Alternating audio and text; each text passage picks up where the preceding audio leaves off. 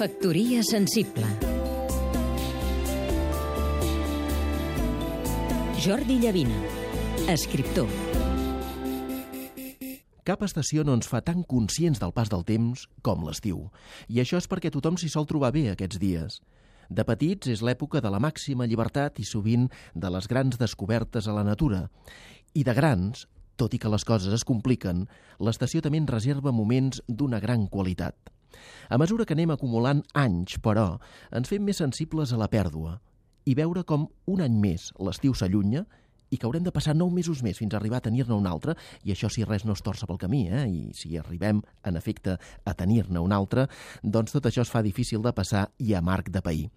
Enguany, per combatre l'enorme, tuïdora, unànima vulgaritat que ens envolta l'estiu, m'he proposat de llegir o de rellegir unes quantes obres mestres, i la que més m'ha acompanyat, per tal com l'he anat eh, llegint amb molta calma o rellegint, és la poesia completa de Carné, el més gran dels poetes catalans de tots els temps, en l'edició de Jaume Coll, publicada per Guadens Crema el 92.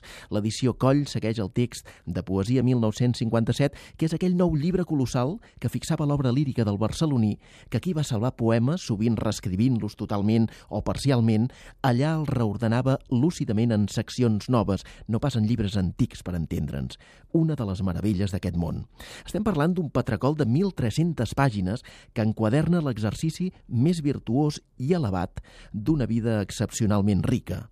Els homes som migradament divins, escriu el príncep dels poetes. Ell, en la seva escriptura, va acostar-se molt a la inspiració divina i d'una manera no gens migrada, val a dir-ho. Factoria sensible Seguim-nos també a catradio.cat